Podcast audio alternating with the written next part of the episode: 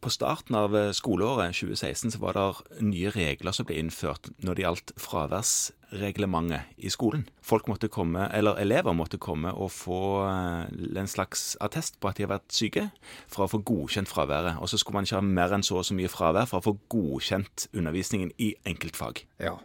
Nå er første status gjort opp. ja. Hva viser tallene? Det er jo kommet, altså, I hvert fall så har Utdanningsdirektoratet publisert noen tall på dette, og de viser jo at fraværet har gått fantastisk ned. Ja, Hvor stort var fraværet før disse reglene? Typisk så var det fem dager og tolv timer Før de nye reglene ble innført? før de nye reglene, og nå har det sunket til tre dager og åtte timer. Så udokumentert fravær på tre dager og åtte timer etter at fraværsreglene ble innført. Ja.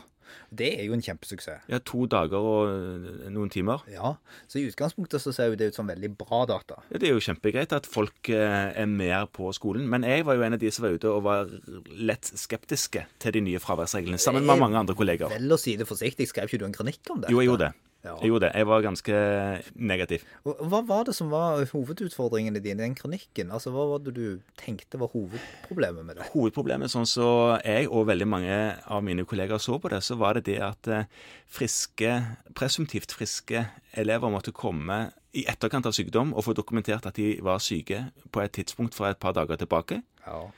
Pluss at de måtte ta fri da fra skolen eh, for å komme og få den fraværslappen fra da de var syke. Og kanskje foreldre måtte ta fri fra sin jobb for å følge sine barn til lege for å få den lappen. Og jeg tenkte at jeg tror ikke det er dette som gjør at man får knepe de elevene som trenger spesiell oppfølging. For det var det som kanskje var tanken, at man kunne komme i kontakt i alle fall med de elevene som eh, faller fra i skolen, som ikke får oppfylt eh, undervisningen i enkeltfag. ja. Noe av intensjonen var jo åpenbart å redusere antallet som faller ut av skolen Ja, som klart. følge av fravær. Og Helt klart. eh, ved å stille strenge krav til det, så var det jo en tanke om at, som du er inne på, at man kunne få kommet i kontakt med dem, og kanskje også motivere dem til å heller gå på skolen.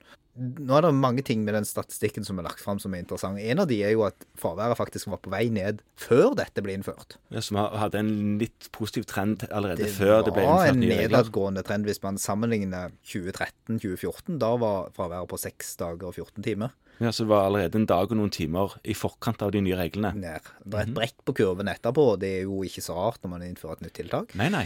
Eh, Det andre som jo kanskje, etter at jeg har lest gjennom dette, er, litt sånn eh, stusser litt på, er jo det at av de som da allikevel ikke fikk godkjent i noen fag, Mhm. altså får det som man kaller for ikke-vurderingsgrunnlag, så var den prosenten omtrent helt lik. Så det du sier, er at de nye reglene førte til at eh, det ble en mindre andel timer fravær, men det var like mange som falt av undervisningen for Det det. er akkurat, altså det gikk fra 3,2 til 3,1 prosent, og det, det er ikke en sikker forskjell.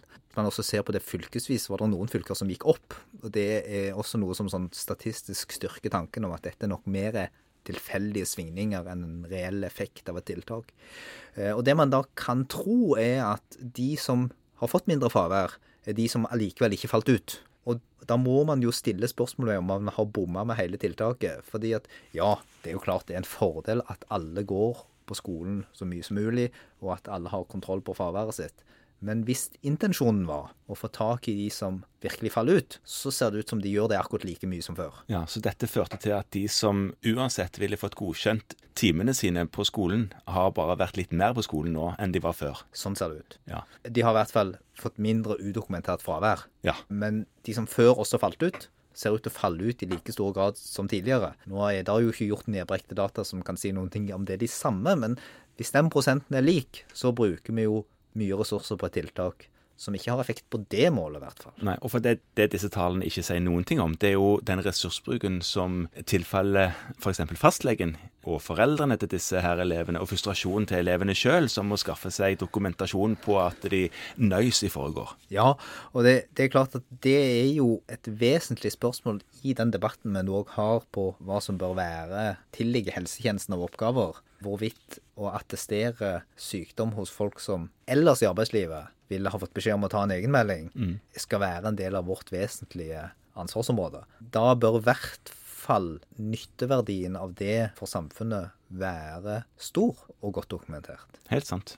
Men vi har nå iallfall starta på et eller annet her nå, så vet vi litt mer nå enn vi visste da jeg skrev den kronikken i høst. Og så får vi se om vi er på vei til å kunne hjelpe de som trenger hjelp til å fullføre den utdannelsen som de trenger for å komme videre. Og så får vi håpe at noen kloke hoder sentralt eh, bruker disse rapportene til å tenke noe klokt om hvor veien skal gå videre herfra. Ja.